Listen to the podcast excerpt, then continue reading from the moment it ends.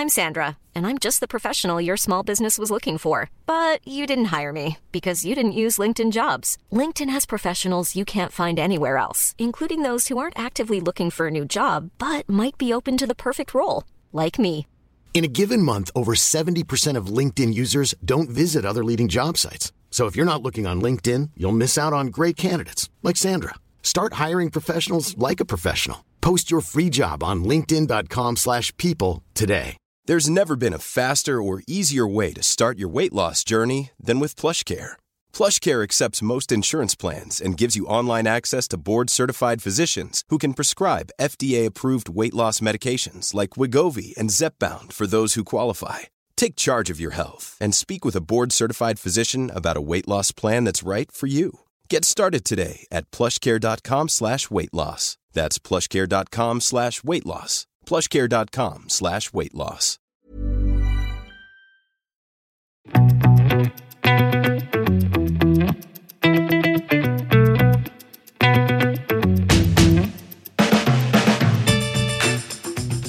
Hei og velkommen til en helt ny episode av Klokkelandslaget.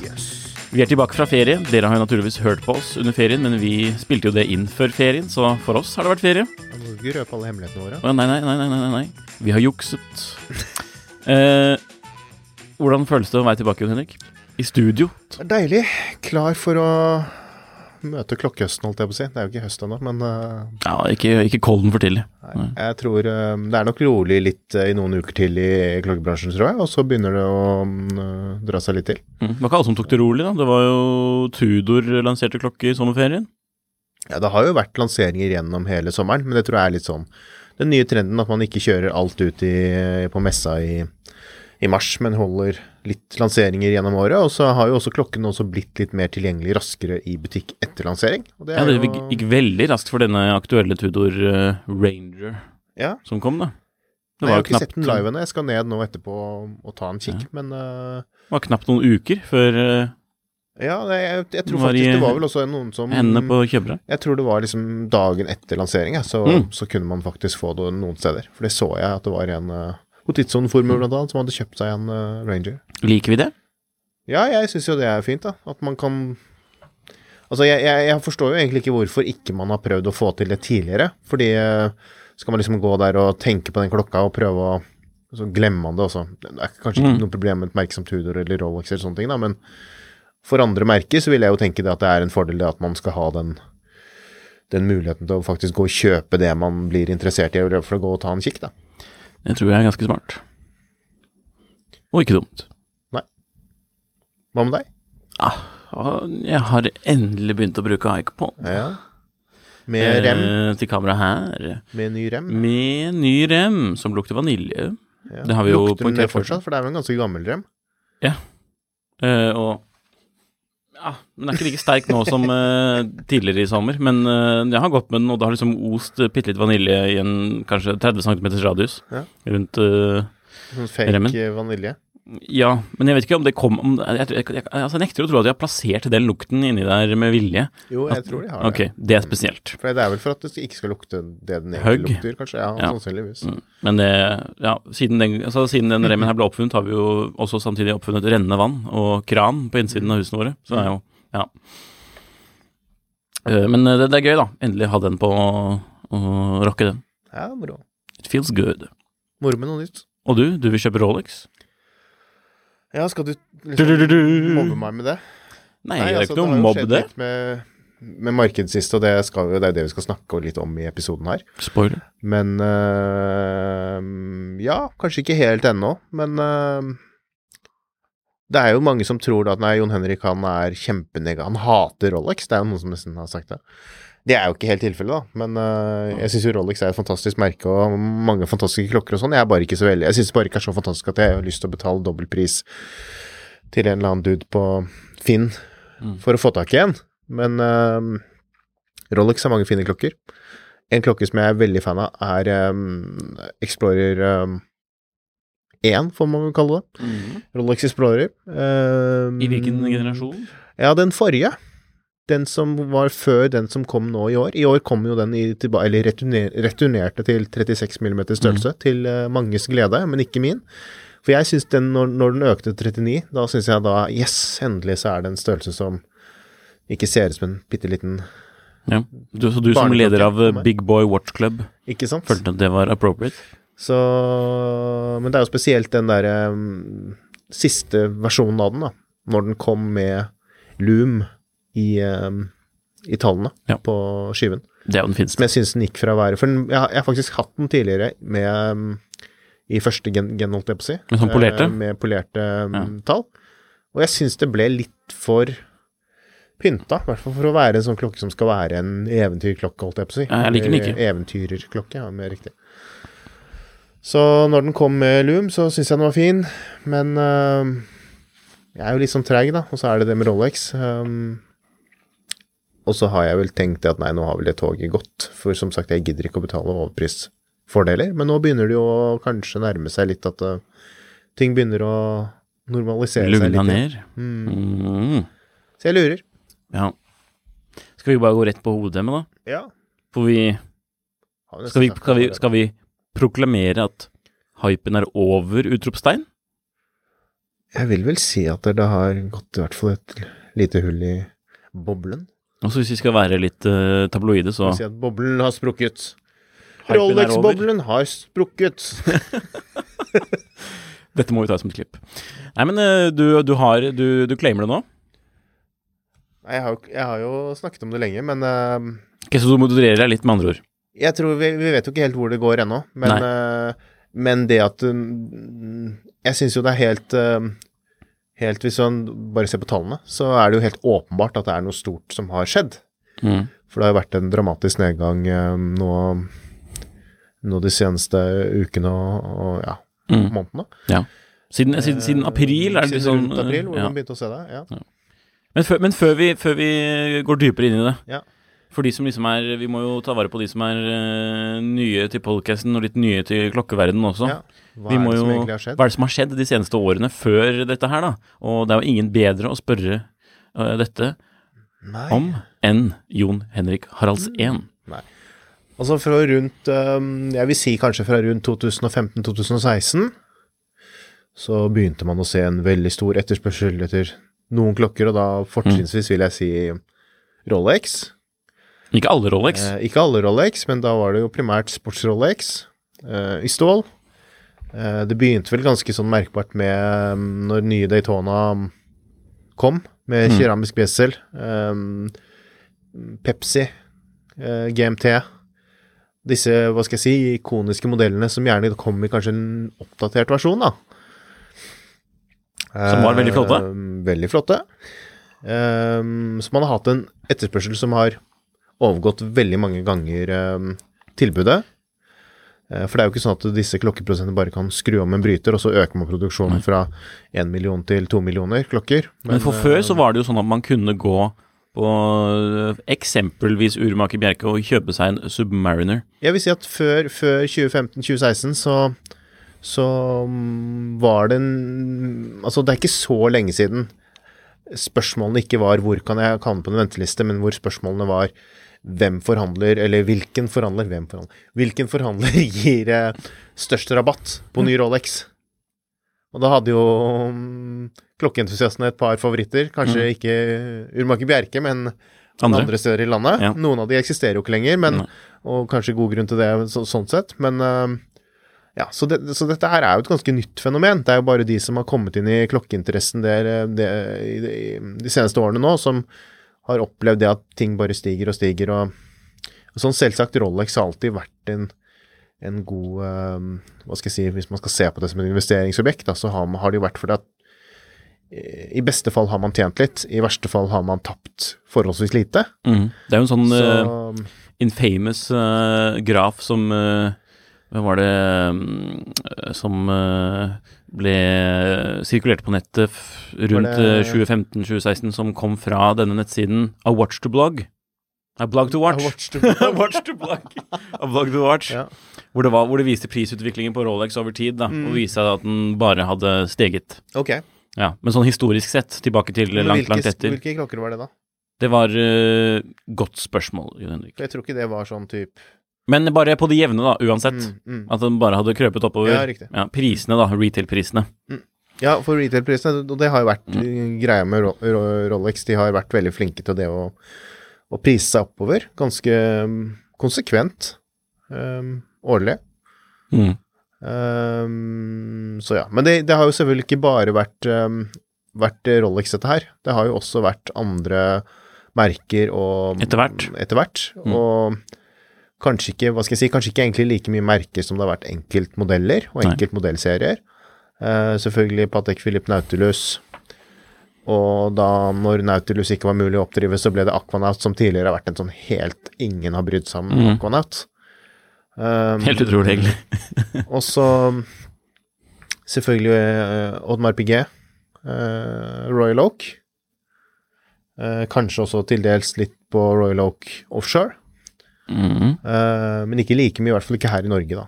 Um, selvfølgelig merker som Richard Mille, sånne ting som er sånn hyper uh, Mm. Kom, akkurat Richard Mille kommer vi litt tilbake til eh, senere, faktisk. For det, det er et litt sånn uh, fiffig eksempel. Men jeg synes jo, og, og så kan man jo snakke om merker som Richard Mille og FB Jorn og sånne ting, men jeg føler det er en litt annen greie. Det kan være litt For altså, der snakker man om relativt sett ganske små volumer, da. For de er det- faktisk sjeldne. De er faktisk sjeldne.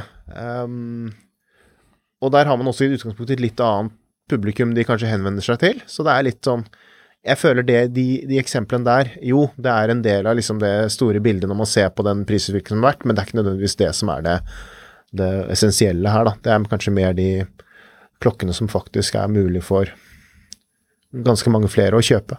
Som Rolex og til dels også Patek og AP og sånne ting. Men eh, vi- det, det er liksom det som har skjedd, da. Mm. Men hva, hvordan er det klokkeentusiastene har følt seg? Hvordan har folket som har kjøpt disse klokkene, følt seg? Det er liksom sånn, ok, For mange så har det jo skapt stor irritasjon da, at man ikke kan få tak i disse klokkene som man kanskje hadde spart til Ja. før å kunne kjøpe i butikken. Men som man nå må liksom spørre pent og ærbødigst om å kunne få stå på venteliste, bla, bla, bla, bla. Ja. Dette har jo ja.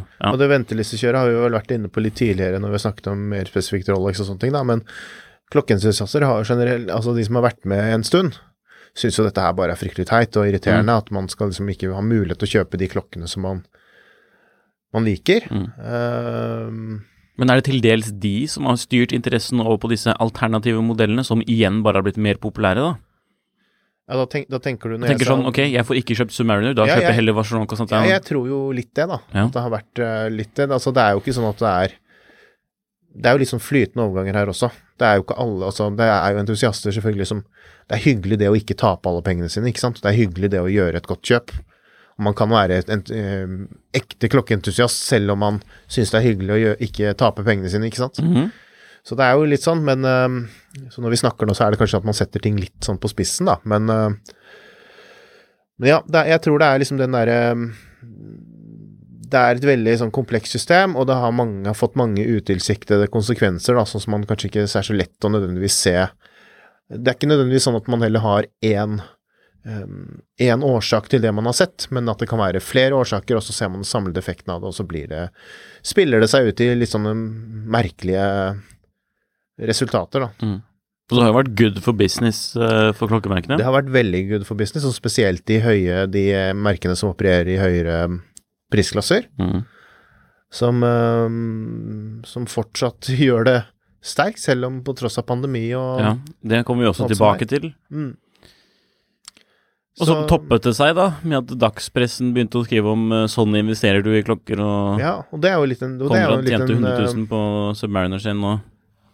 Og det føler jeg er litt sånn Akkurat det der, altså det føler jeg også er en litt sånn del av en litt sånn større trend. For jeg syns det er veldig mye, ikke bare i Norge, hvis man ser også utenfor Norge, som de, altså de siste sidene omtrent den samme tiden, da, fra rundt 2016 og de siste fem-seks årene, så syns jeg det har vært veldig mye fokus på det sånn derre Ja, og det ser man jo veldig tydelig sånn innenfor klær og sko og sånne ting. Det der med å liksom flippe ting og drive og tjene penger, da, sånn på si ha en eller annen sånn side hustle hvor man driver og tjener penger. Man ser det på YouTube, man ser det på sosiale medier.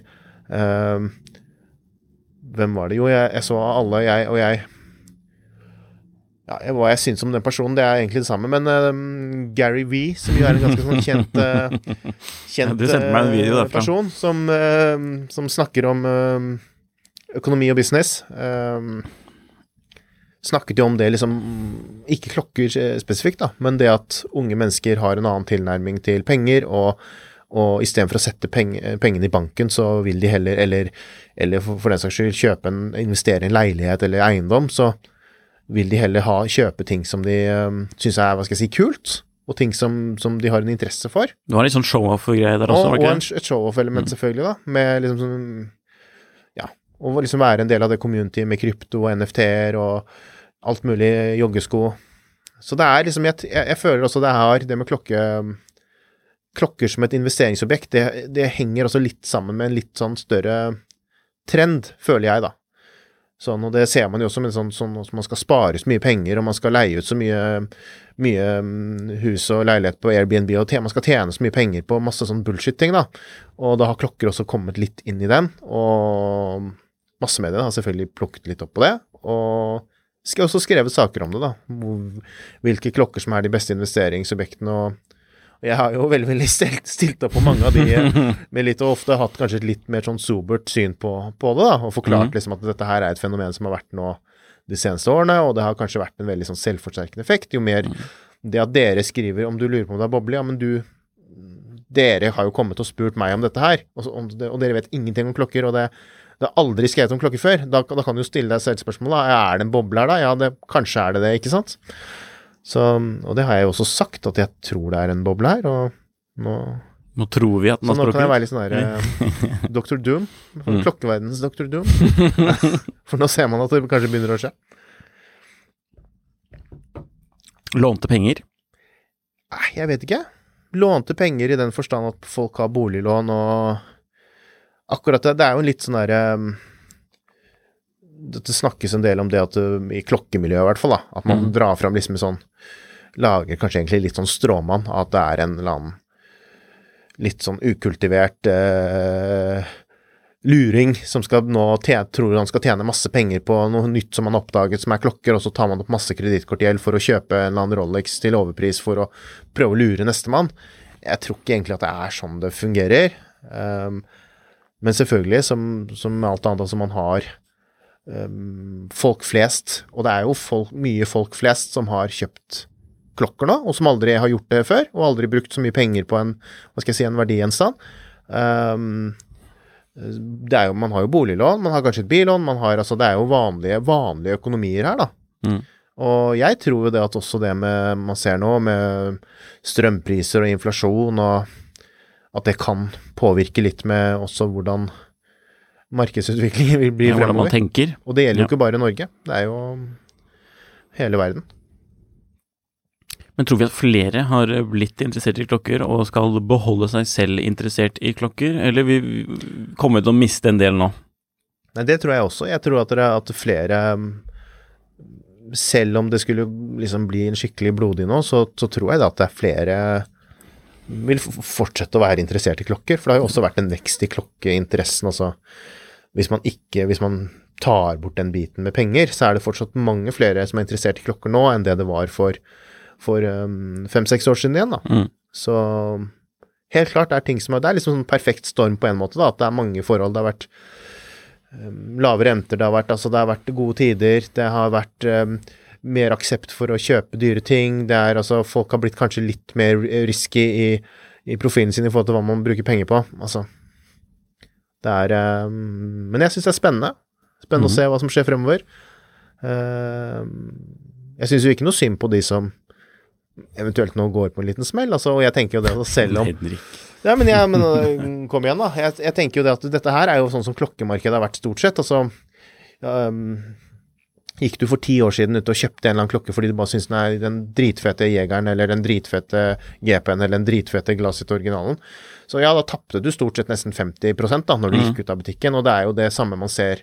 Og man er jo ikke nede på 50% ennå, på liksom øh, Kanskje noen modeller har begynt å Men eh, ja, de, disse hype-modellene har fortsatt gått over listeprisen sin, så Ikke sant? Så altså, jeg syns ikke synd på noen. Altså, er man med på leken, så får man tåle streken. Mm. Og så får man uh, spørre seg selv, da, hvis man er så sinnssykt sur og grinta over dette her, og grinta over at jeg sitter og prater om det og morer meg litt over det, så er du egentlig interessert i klokker, eller er du mest interessert i å tjene penger? Mm. Bang! det All right. Men uh, hva er det som under Uh, Altså, ok, hva er det som beviser denne hypotesen nå om at uh, it's over? Nei, vi har jo Altså, bublen? Ja, vi ser eller del, hypen. mm, tall, da, statistikker, og det har du um, kikket litt på. Ja, jeg kikket litt på det. Ja. Det rapporteres Ja. om lavere priser ja. på hype-modellene. Punktum. Og hype-modellene er ganske mange. Hype-modellene er ganske mange. Mm. Vi kan nevne i fleng, og du har allerede nevnt noen. Submariner, eller alt i stål, sånn sportsstål da, som det kalles fra Rolex. Mm. P- Prim eksempel, eller primeksempel, prima eksempel. Daytona, Mm. GMT Master. Mm. Og så har man jo Vacheron Constantin Overseas. Overseas, Ja. som du ser på som et av Ja, jeg syns det er et spennende eksempel, fordi hjørnesteinseksemplene. Jeg tror jeg vi lagret, lagret grafen her på datamaskinen, så kan man se. Ja, den ligger faktisk i det Fordi dokumentet som vi bruker er til å planlegge også. fantastisk med det er, det, er, det er ikke det at det nødvendigvis at det er noe Det er ikke noe dårlig klokke, for all del. Det er en kjempefin klokke. Men den har alltid vært litt sånn Hva skal jeg si Den har vært litt fiasko, da, i, samme, altså, i sam, sammenlignet med um, Royal Oak fra Ap og Nautilus fra Apotek, som liksom er der Den vil jo gjerne være liksom oppe og nikke sammen med de, da, men eh, det har aldri helt vært sånn. Den har alltid vært lagt litt under, og det har man sett på prisene historisk på de tidligere generasjonene overseas også. Aldri vært sånn helt oppe, oppe på det nivået. Mm. Aldri vært så etterspurt, aldri vært så mye omtalt. Uh, nå er det heller ikke et uh, Genta-design, bare så det er sagt. Det var jo noe som mange trodde lenge før. Før det ble skrevet noe særlig om masse klokker på internett, så trodde jo enkelte at dette også var et Genta-design. Men det er Hysek. Uh, Jørg Hysek. Eh, som også er en veldig dyktig klokkedesigner, men det er ikke Genta. Uh, Hæ, sier du at nei, Genta nei, ja, det, det er liksom litt sånn dårlig Genta er en kjempegod, men han er ikke Genta. Han er ja, Det er det som er poenget. Uh, men ehm, det som er spennende med Overseas, det er at jeg husker jo når nye generasjon Overseas kom. Eh, jeg har også gått litt tilbake for å lese litt kommentarer og sånn som var rundt når, Ja. når de nyhetene ble presentert, og det er veldig morsomt å lese, fordi det var nesten ingen som brydde seg noe særlig, da. Altså, um, enkelte klokkeentusiaster selvfølgelig syntes det var ja, kjempefin klokke, og Det er jo det. så en, komp- en, en skrev ja, kjempefin, ja, kult alternativ til Datejust. Altså, Virkelig? ja. Interessant. Uh, og jeg husker selv når jeg så den også, jeg syntes den var kjempefin, men den var liksom sånn Ok. Eh, og, og, og man så det jo også um, Man kan se det på Krono24 sin statistikk, man kan også se det på, på tidssonen, hvor jeg har funnet noen eksemplarer som var til salgs um, noen år etter at den ble lansert. Mm -hmm. um, og da gikk den jo for godt under veiledende. Uh, og det som er interessant med Overseas, er jo også at den holdt seg jo sånn ganske lenge. Eh, hvis man ser på den grafen fra Krono24, for prisen er vel i, i overkant av 200 000 eller noe i stål, mener jeg. Ehm, og her har den holdt seg under, ehm, Under retailpris. under retailpris helt frem til ja, er vi Årsskiftet til uh, Rundt årsskiftet 2021. 2020-2021, ja. Mm. Og så begynte stigningen. Og så har det vært en enormt bratt stigning fra rundt 2021 og så til frem til um, mai 2021 til frem til, uh, til ganske nylig, mars. Og så har den fått en fryktelig bratt um, kurve ned. Da var det makspris 600 000, Mm. og nå er det laveste pris eh, 400. Så det er en klokke som liksom har vært uh, tredobbelt av tredoblet seg i forhold til hva man kunne i hvert fall kjøpe den i annonsmarkedet ganske Mm. lenge. Og den streken ser jo ut til å fortsette nedover, for å si det mildt. Ja, vi, vi så jo en auk auksjon som var i mm, Det var litt sånn uheldig, fordi mm, det var en uh, Philips-auksjon som mm, var i Hongkong nå, eller en, nå for et par uker par uker tilbake. Der, par uker tilbake.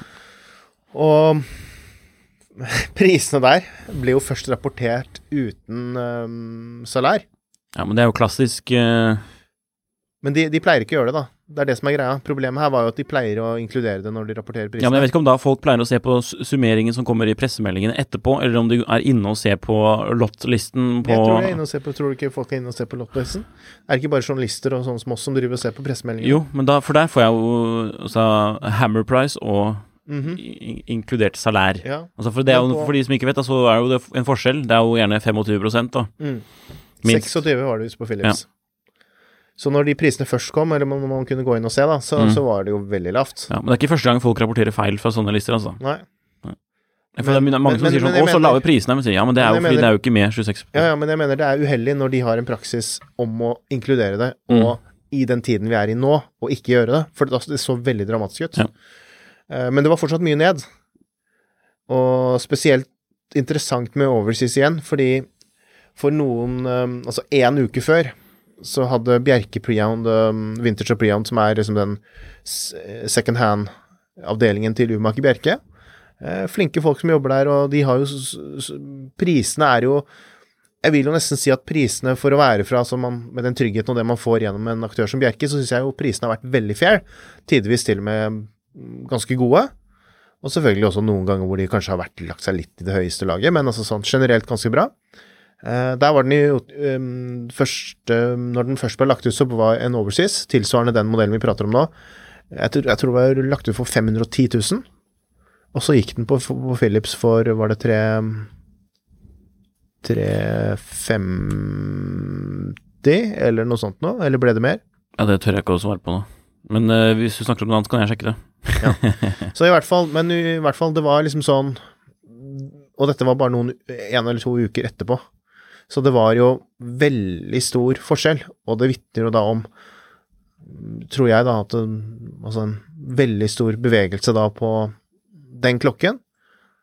Som også kanskje er litt sånn utsatt nettopp fordi det ikke er det, det er ikke det, det er, det er liksom den, en sånn modell som jeg, jeg mener har steget mye på grunn av den hva skal jeg si, assosiasjonen til nettopp Royal. Oak og Nautilus, da. Av at man har et kanskje et litt lignende design, det er et litt lignende merke, eh, og så er det det man kjøper når man kanskje ikke har mulighet til å få tak i de andre, da. Så begynner man å tenke sånn, ja, den er kanskje litt fin, altså, og den er jo fin. Selvfølgelig, det er mange, det er også noen klokkeentusiaster som syns dette her er en fantastisk fin klokke, og og jeg sier ikke det at det ikke er det, men, men, men at det skal en sånn, ha en sånn masseappell, det er liksom litt rart. da, Det ser man jo også av grafen. Det at man Det har jo ikke vært noe masseappell på den Nei. klokken tidligere. 200 000 Hongkong-dollar Ja. Pluss denne overseasen gikk for. Var det med Men det var, det var ikke med Nei, det er uten. Ja. Da ser Så, og det er jo 250 000 norske kroner, ja, Pluss og så- 26 pluss 26 Ja. Så fortsatt uh, relativt billig. Ganske mye mindre enn 510 000. Mhm. Eh, Men eh, ja, vi, får, vi må se vi må, jeg, føler at vi må se flere altså, To auksjoner til med lignende priser før Ja, man kan eh, abs- redusere absolutt. noe fra men det. Som, altså. men, det men det som sånn jeg i hvert fall har inntrykk av, det er jo ofte at disse aksjonene pleier ofte å være litt sånn um, De viser litt vei, da, i forhold Ja. til uh, resten av markedet. Tidligere så var det jo sånn at auksjonsprisen gjerne var mye høyere enn det som var en typisk markedspris. Så nå er det jo ikke sikkert at det er det her nå, men, men altså, så, så, så det er jo litt sånn Så har man investert masse masse penger man egentlig ikke har i klokker nå, så skjønner jeg hvis man er litt nervøs. Ja. Um, og, og det er jo også profesjonelle aktører nå. Jeg leste nå eh, Det ble rapportert Watchbox. at Watchbox, som jo er en av de største Dette var jo på en Facebook-kommentar, da, Mm. vil du merke, som ble rapportert om det. Facebook-gruppe med om, Om eh, Watchbox. Tror om. Watchbox. Eller mer om dette, om dette YouTube-programmet de har, tror jeg det var. Jeg stemmer han Tim, Tim også med solbrillene på Ja, bak frem. Ja, ikke sant? Um, ja, for de har også en YouTube-kanal hvor de lager mini-reviews av klokker, som egentlig er ganske bra. Og Watchbox er, jo- er jo en da sånn resale Altså en uh, gråmarkedshandler, kan man ikke si det? Er det sånn de, de, Nei, brukte, si- de, de kjøper og selger brukte klokker, da? Men det vært Det er jo ikke sånn at de har nødvendigvis har vært bare spesialisert på disse hype-klokkene og hva skal jeg si, nye klokker som bare har blitt videresolgt. Det er Nei, de har masse rart. eh, De startet jo med altså, vanlig second hand og, og kanskje ikke så mye vintage sånn sett, men, men litt altså neo-vintage. Og og litt forskjellig. Og har jo fått innpass hos ganske mange um, ja, Det er vel en av de, hva skal jeg si, en av de mest anerkjente av disse second hand-dealerne, da. Men de hadde stoppet, visstnok stoppet å ta imot klokker, som sier litt. Ja. Fordi Eller de ikke ta imot, men kjøpe, i hvert fall. Ja. Ja, det er det jeg mente med ta. Det, de, ja, ja. De kan jo De har vel også og ta- sånn de Hente har vel ut og også, ta imot og det Men de har vel også sånn at de kan selge på consignment, som det heter. Mm. Litt usikker. Nei, jeg vet ikke. Men det er jo ting som, ting som skjer, da. Og var det ikke også Var det ikke også en til? Eller, Ikke som jeg fikk med meg. Hey, I'm Ryan Reynolds. Recently, I asked Mint Mobile's legal team if big wireless companies are allowed to raise prices due to inflation. They said yes. And then when I asked if raising prices technically violates those onerous two year contracts, they said, What the f are you talking about, you insane Hollywood ass? F- So to recap, we're cutting the price of Mint Unlimited from $30 a month to just $15 a month. Give it a try at mintmobile.com slash switch. $45 upfront for three months plus taxes and fees. Promo rate for new customers for limited time. Unlimited more than 40 gigabytes per month. Slows. Full terms at mintmobile.com.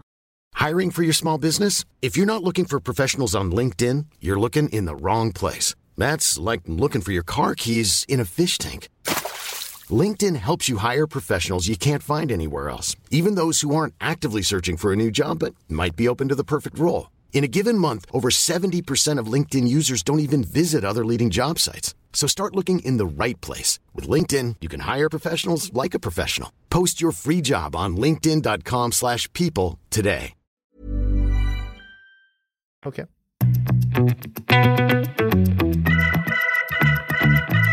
Men eh, og til, ja, det er jo sånn at nå Bloomberg rapporterer også om at de, de setter jo dette i sammenheng med krypto, da. Mm. Nedgangen i krypto. At det Ja. har noe å si på hype-modellene som eh, Ja. børstes vekk fra de som er eh, må kanskje Og det har jeg også snakket en del om tidligere, sånn om at krypto Jeg tror det har vært litt der også, men altså Det er jo vanskelig å si, da, hvor stor andel av, av, av kjøperne det egentlig er relevant for. Er, Mm. Og Bloomberg hadde jo spurt Kroner 24 Mm. om uh, situasjonen, Mm. og jeg quoter på engelsk da, denne gangen. -hmm. Nei, jeg gjør ikke det. Men uh, tilbudet av uh, Her kaller de det jo faktisk trophy watches istedenfor hypeklokker, da, men den er litt morsom. Ok. At de sier at tilbudet har um, på f.eks. Rolex Daytona og Patek Nautilus Mhm. er nå mye større. Mhm. Samme, på samme tid så er altså trading volume, altså Mhm. hvor mange klokker som kjøpes og tilbys, Mhm. har uh, gått opp med 50 Mhm. siden første, altså dette halve året, da. Så, Mhm. så langt vi har kommet i år. Så det er jo en interessant uh, greie. Mhm. Og de også tar et eksempel her, da, og det er jo da 5711A fra Patek, Mhm. Nautilus. som selger for 35 000 dollar i butikken, Mhm. og gikk opp til 240 000 dollar første kvarter av dette året. Mm. Kvartal av dette året. Kvarter. Og nå skal den da angivelig gå for 190 000 Mm. dollar. Det er en nedgang. Men dette er jo, dette er jo Jeg syns de prisene høres litt høye ut, ja, men Ja, men det er jo så vi, Når vi omtaler kroner 24-priser, så Mm. sier vi jo alltid at de er litt høye. Ja, ikke sant. Ja.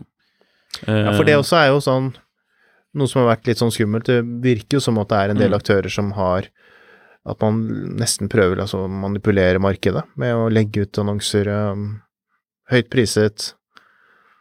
Og så ser man jo, har man i hvert fall hørt, da, at ting omsettes for egentlig ganske mye mindre enn det, da, selv om Mm. det er snakk om også fortsatt høyere priser.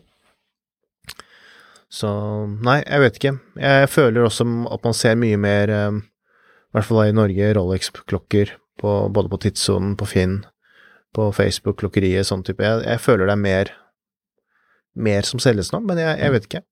Det, En hunch på det. Det er liksom magefølelse. Vi har ikke gått og gjort noe sånn Veldig formell kvalitativ eh, eller kvantitativ Nei, det bare virker som at det er mye mer eh, tilgjengelig nå. Jon Henriks magefølelse er jo ikke til å gjemme vekk, da. Nei. Men hva skjer i fremtiden? Nå har vi gått innom før, nå. Hvordan, hvordan ser de neste månedene, årene ut?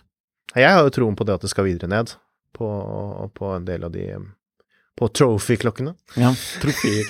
Det var morsomt. Ja, det var artig.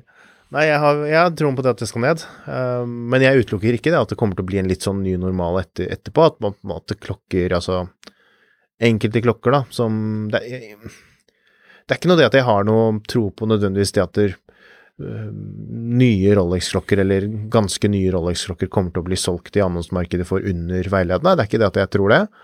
Jeg tror fortsatt kanskje at det kommer til å være øh, en del over. Men det er akkurat Men det er liksom de der øh, ville prisene man har sett, da. De der ville øh, toppene. Eh, jeg tror man skal ganske mye ned fra det, og nå har man jo kommet dit allerede. Mm.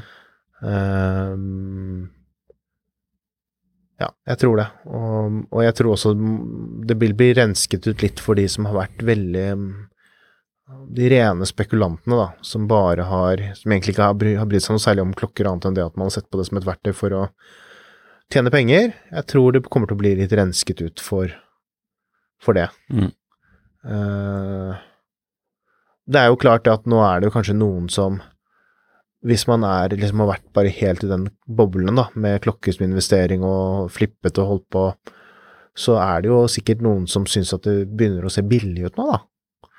Og kanskje sånn som man har gjort med krypto, at man har buy the dip og alt det der. Så det Mhm. kan godt hende det, det at det kommer til å gå litt opp igjen. Det kan godt hende at ikke man klarer å liksom skremme bort folket helt ennå, men ja, jeg tror liksom at klokker er egentlig en litt sånn annen greie. Det, mm, det hviler jo også litt på det at det er eh, kult, og det jeg har sagt før, og med kult så så tenker, så, så har alle sin definisjon av hva kult er, men når jeg sier kult, så mener jeg at, at det betyr at um, folk flest ønsker å eie det, eller syns Mm. det er stas å eie det. En betydelig andel av befolkningen eller populasjonen syns det er stas å eie det, og forbinder det med status og og, Og og, liksom de riktige, hva nå enn det rett, riktige er, da, eller det trendy er, det bør man ikke engang definere, men, men at, at de definerer det som at dette er noe av det riktige og trendy å ha. Og med en gang det forsvinner, så tror jeg man kommer til å få et problem, da. At Mm. det er eh, Ja, for det er jo litt sånn Ja, det er jo noen statusobjekt, og det har man jo også vært inne på nå i tidligere episoder, hvor um, det ikke er noe tvil om det, at klokker har blitt Luksusvare. et statusobjekt, og så kan man tjene litt penger på det i tillegg, eller hva? Mm. Ja, det, er- det, er, det er jo det. Får vi noen gang eh, kjøpt eh, Rolex over disken? Ja, altså, de, de, de kommer til å øke mm, Visstnok så Om ikke jeg husker feil, så driver du nå og bygger en ny fabrikk, eller, eh, eller utvider kapasiteten. Eh, forventes å øke med rundt 25% eller hva det er. Produksjons... eh, Eller i hvert fall ha muligheten til det. Mhm. Eh, men sånn i forhold til hvordan etterspørselen er, så er jo klart det er jo liksom ingenting i forhold til det. Men nei, jeg vet ikke. Det, jeg tror at situasjonen vil bli bedre. Uh, Men normalen vil ikke være den gamle normalen. nei, man hadde jo ventelister før også, på enkelte klokker. Eh, gjerne mm, liksom av de, de uh, ikonene når de var nye, men nå tenkte jeg på Rolex spesifikt, da. Ja, okay, Ja. Men Daytona, det var venteliste på Daytona før, og det var Mm. venteliste på GMT uh, keramisk. Det Men det var, var ikke på fem år. Nei, det var ikke på fem år, og, og, og det ga seg jo etter hvert, da, ikke sant? Så Nei, jeg vet ikke. Men det er jo spørsmålet. Ja. Vi sier jo at disse troféklokkene, Mm. vi må begynne å bruke det ordet. Mm? Vi må begynne å bruke det ordet. Troféklokker. Vil alt falle? Altså, jeg tror jo mye Vil noe stige? om noen av troféklokkene vil stige. Nei, men altså utenfor, da. Altså, kan, altså, eller, ja, for, altså, for all delen også.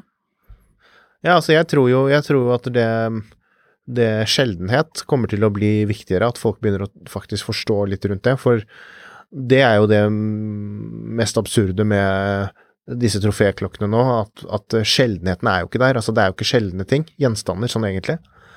Eh, Mange av disse tingene. Det er jo sånn relativt sett til klokkeverden eh, ganske vanlige klokker. Mm. Ehm, jeg tror selvfølgelig det at ting, noen ting kan stige, og jeg tror sånn som vi også igjen har vært inne på i andre episoder med vintage, enkelt vintage, enkelt neo-vintage, har jeg troen på kan stige. Eh, ting som er genuint sjeldent og spesielt. Jeg har mye mer forståelse for at man betaler ehm, hva skal jeg si ja, Ganske mye mer enn nypris, da, men altså det dobbelte av en tilsvarende klokke i dag, da, for en, for en um, 1660 LV en Cu- eh, Submariner Kermit, enn for eksempel å, å betale det for en, en, en Hva er det de kaller den nye? Starbucks. Starbucks. Altså en ny grønn sub som fortsatt er i produksjon, som Altså Og jeg tror også folk begynner å I hvert fall de som er litt litt klokkeinteresserte og litt har hodet litt med seg, eh, også begynner å se den, da. At det er ting, ting som er er eh, sjeldne. Mm. Eller begynner å bli mer Faktisk sjeldne. Ting som blir Det blir jo ikke flere av de klokkene, så mm. Ja, men noen som har eh, økt interesse? Omega Speedmaster, angivelig. Knyttet til um, Ja, var det ikke med Moonswatch? Moonswatchen. Mm. Så sa de det at det var 50% økning i salg av Speedmaster. Ja. Hayek sa det. Jeg Mm. tror ikke jeg stoler helt på Hayek, men uh, jeg har ikke noe altså, Jeg bare syns det høres veldig voldsomt ut, mm. og veldig Ja. Det, det, men at det har vært veldig bra for Swatch, det er ikke Mm. noe tvil om, for det har jo vært et merke som har slitt i mange år med å finne formen, så Ja. det at de har vært bra for de, det, mm, det Da kan vi jo si litt om det også, for det har jo kommet Det, det ble jo røpet i intervjuet nå at de hadde planer om flere Flere Men jeg tror jeg vi var inne på Bioceramic-klokker klokker. øh, nei, jeg tror ikke vi var inne på det. Jeg tror okay. vi snakket sist, Når vi snakket om det sist, så var det vel det at de ikke skulle selge i butikk. mm. Det, var, det, hadde, det var jo rykter om det allerede ganske tidlig. Ikke selge i nettbutikk. Ja det, ja, det var det. Ja, stemmer. Nei, fordi de, han sa jo det at de hadde vurdert flere alternativer til Speedmaster når de kom ut med Moonswatch. Mm. Eh, Blancpain, eh, 50 Fathoms Ja. og eh, hva var den siste? Seamaster? Omega Seamaster. Ja. Og så sa han vel det at det kanskje kom til å komme. Det hadde vært litt morsomt, det, da. At det var liksom vilje innad i Swatch Group til å gjøre det. Ja. Ikke Men, bare Swatch som presser seg gjennom, men også fra merkene selv. men nå er det så litt sånn snakket de om en high-end-produsent utenfra, som de var i samtale med. En veldig high-end. Veldig high-end. Som man ikke ville røpe, men Og det har jo jeg Da sier magefølelsen min, da, at igjen, at det er eh, Oddmar Piguet.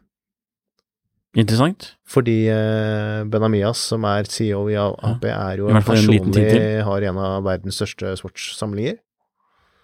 Så det er jo, bør jo være motivasjon da, til å ha lyst til å ha Og når han nå pensjonerer seg neste år, så er det jo Mm. kult det å kunne mm, chille på beachen med en sånn eh, knallgul eh, bioceramic eh, Royal Oak, eller et eller annet sånt noe. Så Da, da, vi, vi får bare tenke hvor lange køer det blir da.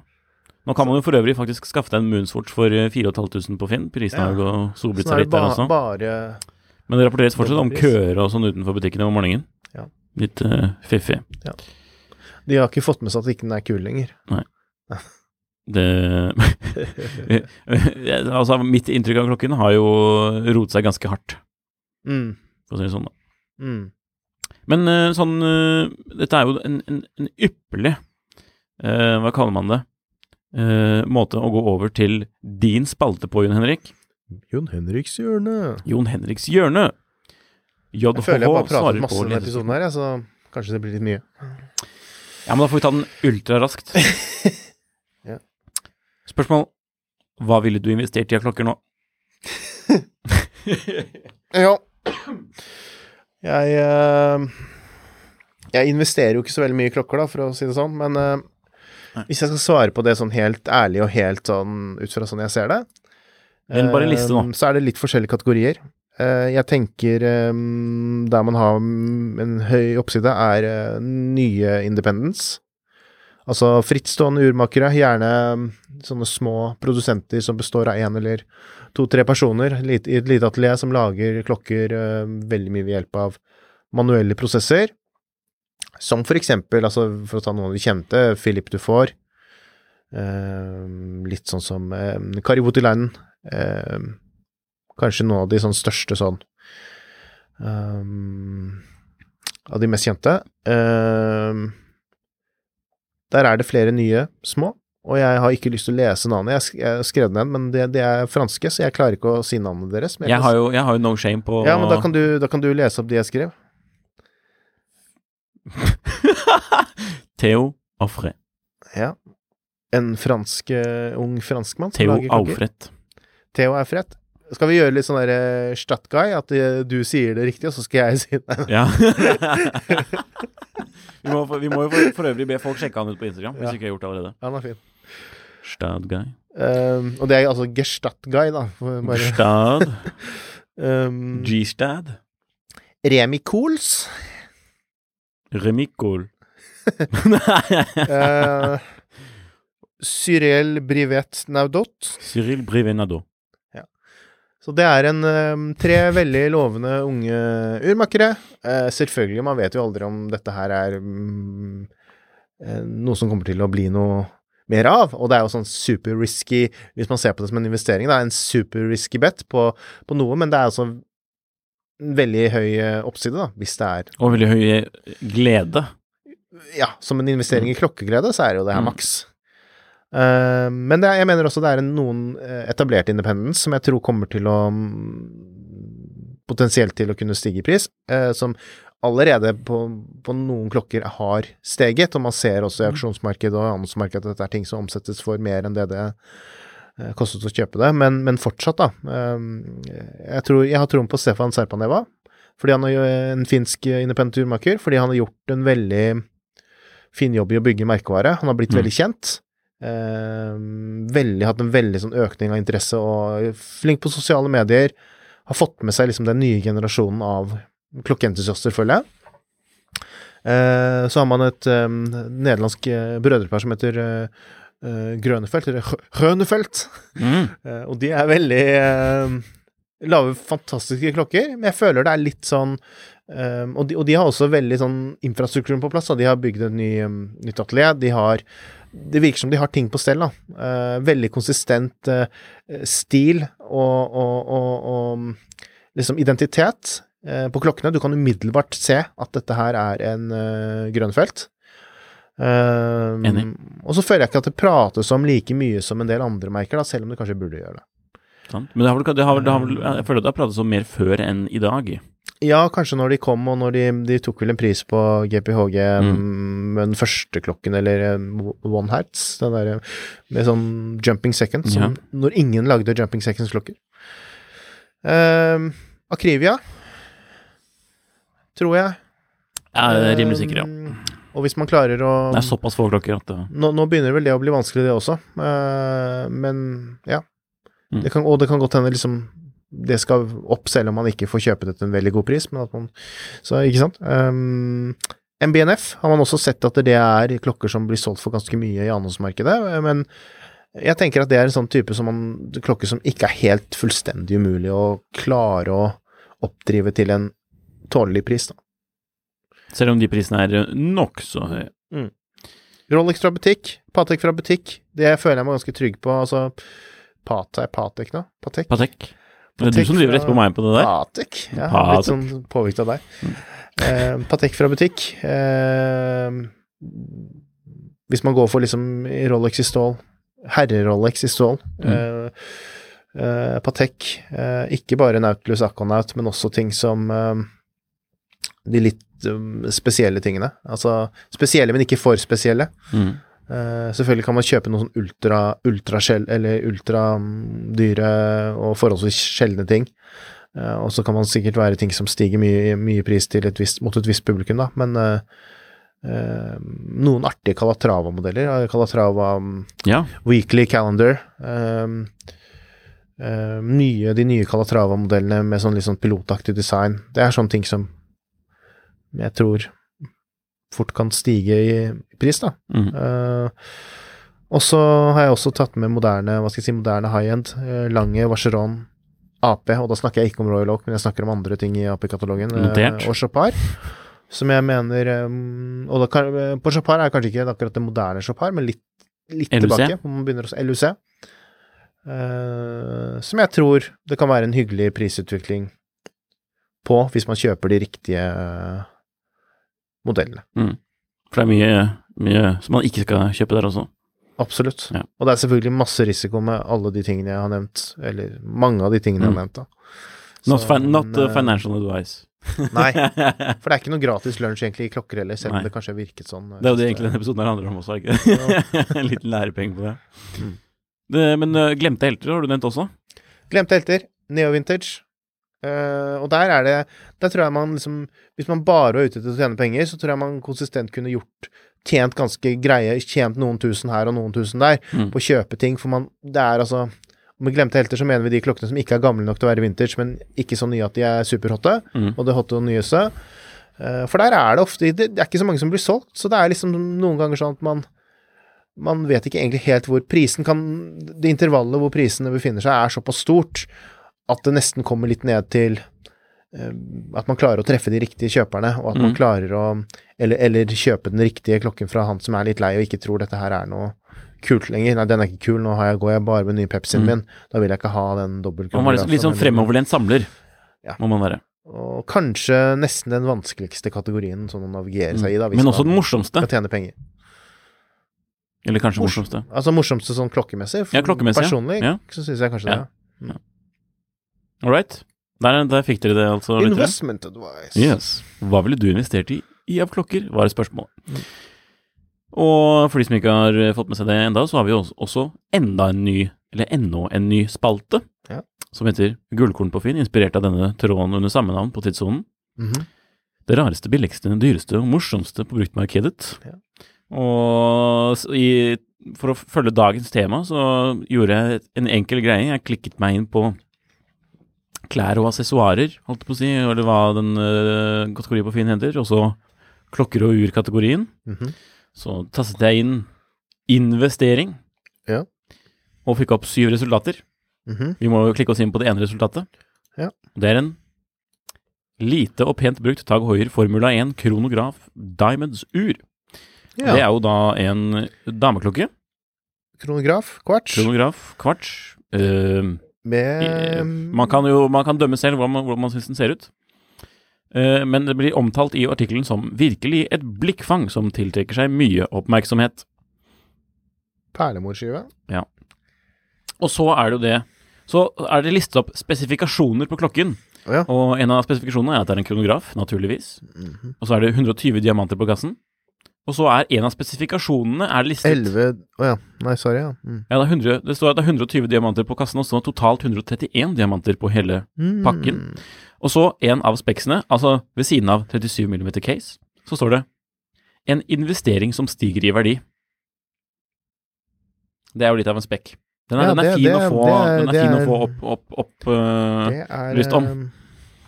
Og det er 26 personer som tydeligvis i hvert fall har blitt litt sånn nysgjerrig på den investeringen, Altså, siden jeg laget annonsen. Lagt den til som favoritt. Mm. Um, ja, prisen er 49 000, var det det? Ja. Eh, folk kan jo gå inn og se på den og dømme selv om det er noe for dem. Mm. Ja. Uh, og så jeg For moro skyld- så søkte jeg også på investering. Ja. For det er jo en sånn skrivefeil som mange tuller litt med på, av, på det interne Altså de som er litt uh, Altså klokkeinteresserte tuller litt med sånn investering. Mhm. For det er jo noen som har greid å skrive det feil i en god del eh, omtaler om investering i Ja. klokker. Det ga null resultater, men jeg vet at det har- jeg har prøvd før, og det har gitt resultater da. Ja. Men da har det vært på sånne enkeltannonser hvor det liksom er eh, Jeg prøvde meg litt på Facebook også, det var overraskende få. Så det er tydeligvis Mm. at du Det er luket ut. Og det har vi jo Vi har jo kjørt litt hardt på det over noen år nå, da. At Ja. vi har liksom gjort litt sånn narr av det, eller Ja. vektlagt det. Er du en investor? som- Investor. Ja. Men jeg, jeg tenkte vi skulle avslutte med en liten rapport fra Fédération du Industrie Horloger. Da prøvde jeg meg igjen, og jeg, I, I slaughtered it, som de sier. Uh, Federation de Industrie Altså, er Horlogere Suisse. Yes. Det er den sveitsiske klokkeindustriens bransjeorganisasjon. Og de rapporterer om fortsatt vekt, vekst i eksporten av sveitsiske klokker. Da snakker vi om nye klokker, Ja. men kun da eksportert verdi fra mm. produsent til importør, eller altså butikk, da.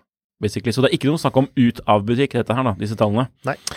12% vekst i verdi av eksport for årets seks første måneder. Mm. Tilsvarende, eller ikke tilsvarende, det er 11,9 milliarder sveitsfranc. Det, og det er mye penger. Det er vel 120 milliarder norske kroner, ish. Mm.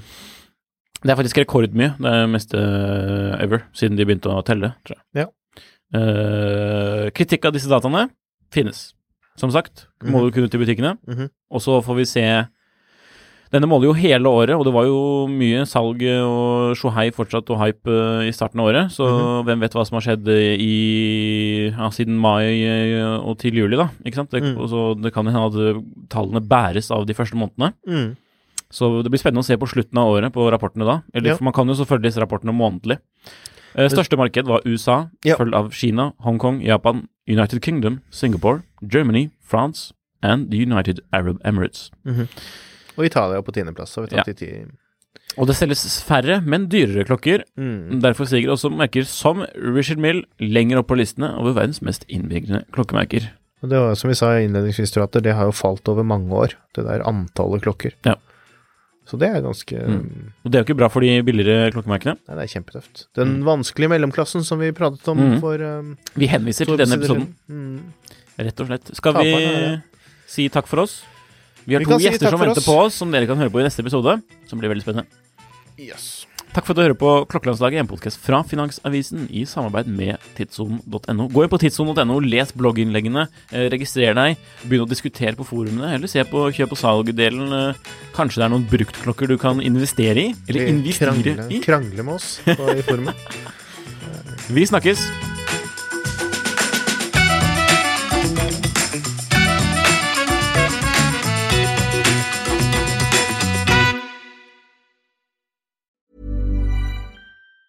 Planning for your next trip? Elevate your travel style with Quince. Quince has all the jet setting essentials you'll want for your next getaway, like European linen, premium luggage options, buttery soft Italian leather bags, and so much more. And it's all priced at 50 to 80% less than similar brands. Plus, Quince only works with factories that use safe and ethical manufacturing practices. Pack your bags with high-quality essentials you'll be wearing for vacations to come with Quince. Go to quince.com slash trip for free shipping and 365-day returns. Klokkelandslaget er en Finansavisen-podkast i samarbeid med Tidso. Programleder er Nicolai Giel og Jon Henrik Haraldsen. Produsent er Lars Brenden Skram. Podkast- og videoansvarlig er Marius Mørk Larsen. Og ansvarlig redaktør er Trygve Hegnar.